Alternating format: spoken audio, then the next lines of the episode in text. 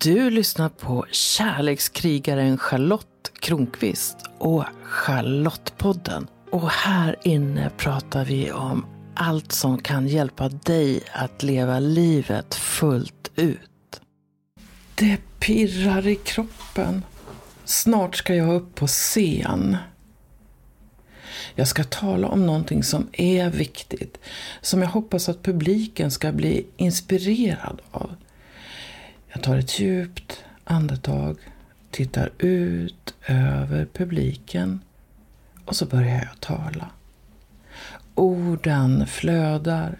Det känns bra. Jag står där för att jag har något att förmedla.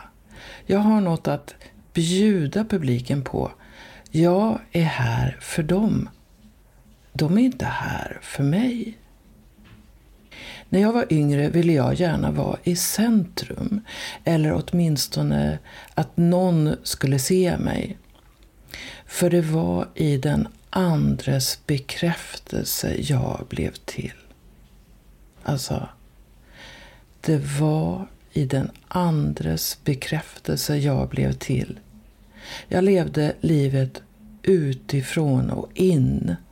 Vad andra tyckte om mig byggde mitt värde.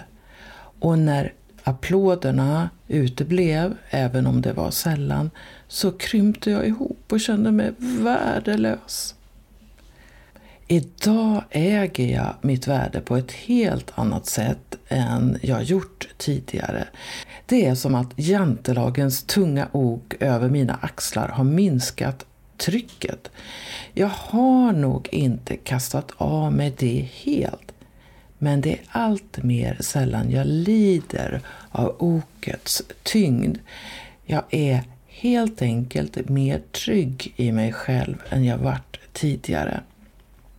Om en liten stund så ska jag läsa ett kapitel ur boken 100% Charlotte, ta ditt inre ledarskap. Det heter att vara i centrum och handlar om just det, att ta plats nog för att för en längre eller kortare stund stå i centrum. Till exempel genom att stå på scen leda en kurs eller lyssna på en podd.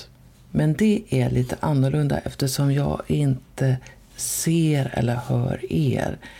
Det här sitter jag ensam på min kammare och spelar in så är det en liten annan känsla. Jag pratar om det där att möta andras respons. Jag läser igenom kapitlet för att förbereda mig på att reflektera kring det. Jag tänker på den Charlotte jag var för ungefär tio år sedan när jag började skriva boken. Och till min glädje upptäcker jag att saker har hänt med mig och i mig sedan dess. Dessutom finns det en massa igenkänning. Jag är ju fortfarande samma människa, även om jag blir tryggare i mig själv hela tiden. Och även om en del av min osäkerhet och rädsla omvandlas till trygghet. En av aspekterna i det här kapitlet handlar i praktiken om förmågan att härbärgera lycka. Det visste jag inte när jag skrev boken, men jag ser det nu. Och bara det, att se att det sker en utveckling, är uppmuntrande för mig det är sällan för sent att lära sig av med något eller att lära sig något nytt. Vad menar jag då när jag pratar om att härbärgera lycka? Du kan härbärgera många saker och när vi härbärgerar någonting så behöver vi inte läcka ut det. Det kan få plats inom oss. Jag kan till exempel idag, du vet ju säkert att jag håller på med tantra och skriver böcker och så om det. Jag kan också härbärgera eh, mycket energi i mig så att jag kan njuta mycket. Men här handlar det om förmågan att liksom vara lycklig. Att kunna vara lycklig över tid. Så när jag tittar på mig själv i det här tioårsperspektivet så kan jag se att jag varit i situationer där jag omgetts av personer som inte har kunnat härbärgera lycka. Och där, där jag också själv haft svårt för det. Och det då när jag kan märka att lyckotanken har försvunnit, det är när katastroftankarna börjar komma. Alltså hur mycket lycka kan bo i mig och hur mycket kan jag ta emot? Och vad är det som triggar igång katastroftanken? Jag minns ett mönster i en tidigare relation. Vi hade det bra i några månader.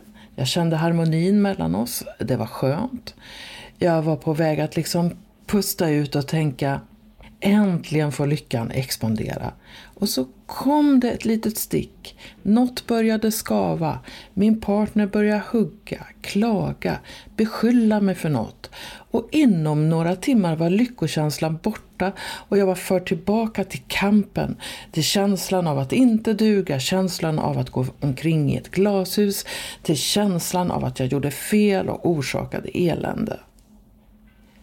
Jag såg det återkomma. Harmonin som var där, livet som flöt på, glädjen som fanns där och så boom! Som från ingenting möttes jag av den arga blicken, av anklagelser, av skammande. Och så retirerade jag för att slicka såren och jag funderade på hur jag kunde hjälpa min partner att härbärgera mer lycka. Det kändes lite som att jag var utsatt för en annan persons mörker. Och den personen blev ju såklart utsatt för mitt också. Men nu pratar vi om den här personens oförmåga att i längden hantera, härbärgera lycka. Det var som att han inte kunde härbärgera lycka och var tvungen att dra ner mig i skiten igen och på något sätt så accepterar jag det länge accepterar jag det länge. Det tog tid innan jag såg det här mönstret. Det tog en tid innan jag insåg vilket spel jag var en del i. Jag såg hans del, jag såg min del. När jag verkligen såg det så gick jag. För jag ville inte vara en person som dras ner i ett mörkt hål för att den andra inte står ut med att vara lycklig, för att den andra var en felsökare och såklart en felfinnare, för den som söker fel, den kommer också att finna det. Och på samma sätt, den som söker lycka har också en chans att finna den. Det är ju ibland så mycket lättare att se saker hos andra människor och i synnerhet de vi lever nära. Och det är ofta svårare att se på sig själv från sidan, se sig själv i perspektiv. Men ganska tidigt insåg jag att jag också hade svårt att härbärgera lycka och framgång. Det var som att jag kunde stå där på scenen, leda den där kursen, tala direkt i radio eller vad det nu kunde vara och göra det bra och sen efteråt tog det bara en liten stund innan jag föll neråt i mörkret i känslan av att vara en bluff att applåderna var fejk, att feedbacken inte var ärlig. Och så liksom åkte jag rutschbana från himlen till helvetet. Det var som att något i mig inte stod ut med att skina en stund. Det är såklart komplext. En del i det handlar om att kunna stå ut med att det går bra. Att klara av att bli emottagen utan att bli anfallen av tvivel. En annan aspekt av det är hur jag lever livet. Hur viktigt är det för mig vad andra tycker om mig? Hur viktigt är det att få applåder? Hur viktigt är det att bli sedd och älskad? Hur viktig är andras bekräftelse för mig?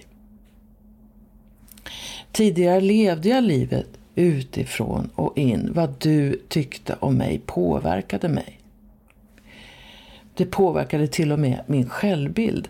Om du sa att jag gjort dåligt ifrån mig så blev jag dålig. Då tappade jag mitt värde. Jag sålde ut mig. Numera så lever jag inifrån och ut.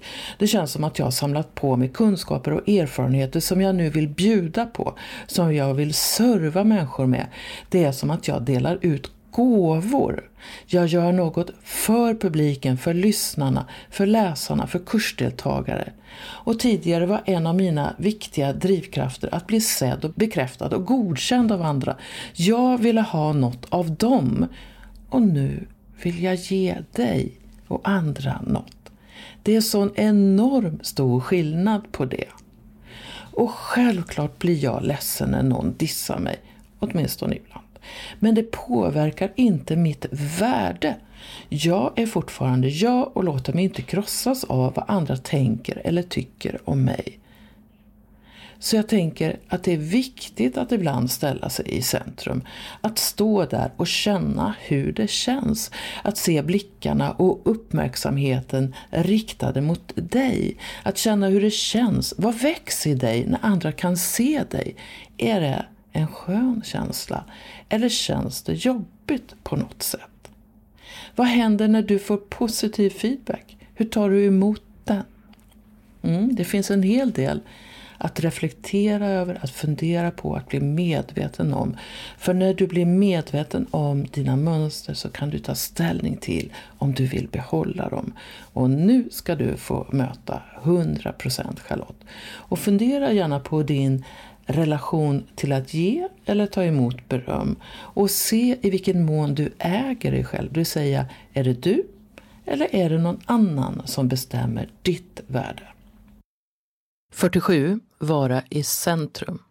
Jag älskar att stå på scenen, jag älskar att berätta, att blogga, att skriva. Jag tycker om att bli intervjuad och att prata i radio. Jag har mycket jag vill förmedla och jag vet att jag gör det bra. Det är roligt att få beröm för det jag gör men ibland är det fortfarande svårt att ta emot uppskattning. Jag blir helt enkelt generad. Jag föreläser ganska ofta, jag gillar det och jag vill göra det ännu mer. När jag visualiserar framtiden ser jag mig själv framför stora grupper och den bilden lockar mer än den skrämmer. På scenen tillåter jag mig att lysa och andra att se hela mig. Där framme kan jag stå och berätta om ljuset, om mörkret, om skammen, om rädslorna, om våndorna, om känslan av att vara utanför, om känslan av att inte duga och om alla mina försök att få andra att acceptera mig. Det paradoxala är att jag står på scenen i min sårbarhet och att det gör mig till synes osårbar. För vem kan såra den som redan visar allt? Det är förunderligt att konstatera att det som ofta för mig upp på scenen är det jag tidigare till varje pris ville gömma, som mina skamkänslor. När jag kliver av scenen möter jag människor som tycker att jag har varit bra. Jag brukar klara av att ta emot en viss mängd beröm, sen blir det för mycket. Då vaknar domaren till och viskar till mig att jag inte ska tro på vad de säger. Jag andas igenom domarens ord. Jag har hört dem så många gånger förr. Jag tränar på att ta emot rosorna. Det är verkligen härligt att höra någon säga Charlotte, du är fantastisk. Du är modig. Du är min förebild. Ofta säger jag tack med ett leende, men ibland blir jag blyg och rodnar. Då är det min inre femåring som väcks till liv och hon har svårt att ta emot berömmet. När någon började berömma mig för något tidigare valde jag för det mesta att avleda samtalet och rikta uppmärksamheten mot den som berömde mig istället. Det är fortfarande lättare att ge än att ta emot för mig. Jag älskar att berömma andra. Att tala om för dem hur fantastiska de är. Sakta men säkert blir det lättare att ta emot positiv återkoppling. Det märkliga är att i takt med att jag vågar ta emot så kommer det mer strömmande emot mig. Episod Jag tar emot uppskattning. En höstmorgon för sex år sedan kollade jag mina mejl och hittade ett långt brev från en kvinna. Jag blir så glad att det spritter i hela kroppen. Hon skriver bland annat Kära underbara kvinna. Jag har läst din blogg ett tag och även idag avslutat din bok Ingen skam i kroppen. särskilt de sista sidorna du skrivit gjorde att jag kände ett behov av att knacka ner några ord till dig. Jag vill och vågar kasta mig ut i det okända, vill lita på att livet bär. Det har varit en uppmuntrande glädje att ta del av dina fantastiska skriverier. Jag har redan länge vetat att jag behöver påbörja ett nytt liv som inkluderar allt vad sexglädje innebär. Utan lust, inget liv, en lång, varm, tantrisk kram. Strax efter det tömmer jag brevlådan och läser feedback från en av mina coachklienter som skriver detta om mig. Tja, hur beskriver man en gigant som hittat sin exakta plats? För att slänga ur mig några egenskaper som jag först kommer att tänka på. Professionell, kärleksfull, har förmåga att ringa in bekymmersområden otroligt snabbt, vilket också gör hennes sessioner vansinnigt effektiva. Hon innehar ett enormt djup och fantastisk inlevelseförmåga men förlorar sig inte i det utan förhåller sig objektiv. När min dag börjar så blir jag gråtglad, tacksamhetsgråtig och känner mening och kärlek. Din läxa Träna på att ta emot beröm. Börja skriva upp tre saker du gjort bra varje dag. Har du någon bok där du skriver vad du är tacksam för eller vad du har gjort bra? Hitta gärna ett sätt att lyfta fram det som funkar i ditt liv. Min erfarenhet är att det är lättare att komma ihåg det som gör ont än det som känns riktigt bra. Därför kan det vara bra att kunna läsa orden du skrivit en dag som känns extra tung. Då ser du allt du har gjort tidigare och får kanske snabbt tillbaka energin. Och vet du, jag är så glad att du lyssnar på Charlottepodden. Kom gärna med förslag på vilka jag ska samtala med och om det är någon aspekt av livet som du tycker att jag ska reflektera kring. Jag gör gärna det. Och om du är kvinna som liksom jag har passerat 45 år så är du också välkommen till Kvinnorummet som är ett omfattande onlineprogram i sju steg med syfte att stärka din självkänsla, din relation till din kropp som ju åldras. Och till din lust och sexualitet. Och du kan jobba med materialet när du vill och kan flera gånger under programmets gång kommunicera direkt med mig. Och gå gärna in på min hemsida charlottekronqvist.org för att se vad jag har att erbjuda dig. Det finns ju mycket som du kan ta del av helt fritt och så har jag ju böcker, onlinekurser och andra kurser och inte minst lekfull tantra. Och du vet väl att om du köper 100% Charlotteboken så finns det 52 reflektionsfrågor i boken som kan hjälpa dig att ta ditt inre ledarskap. Ha det fint! Kom ihåg att prenumerera på Charlottepodden så att du är med när nya avsnitt kommer. För vem vet vad du kan få lära dig om livet i det avsnittet. Rekommendera gärna podden till en vän så är du med och sprider vetskap om att den här podden finns och berätta vad den ger just dig. Jag skulle bli så glad om du också går in i din podcast-app och lämnar en kommentar eller skriver en recension av podden. Ju fler som gillar podden öppet, desto fler kommer också att hitta den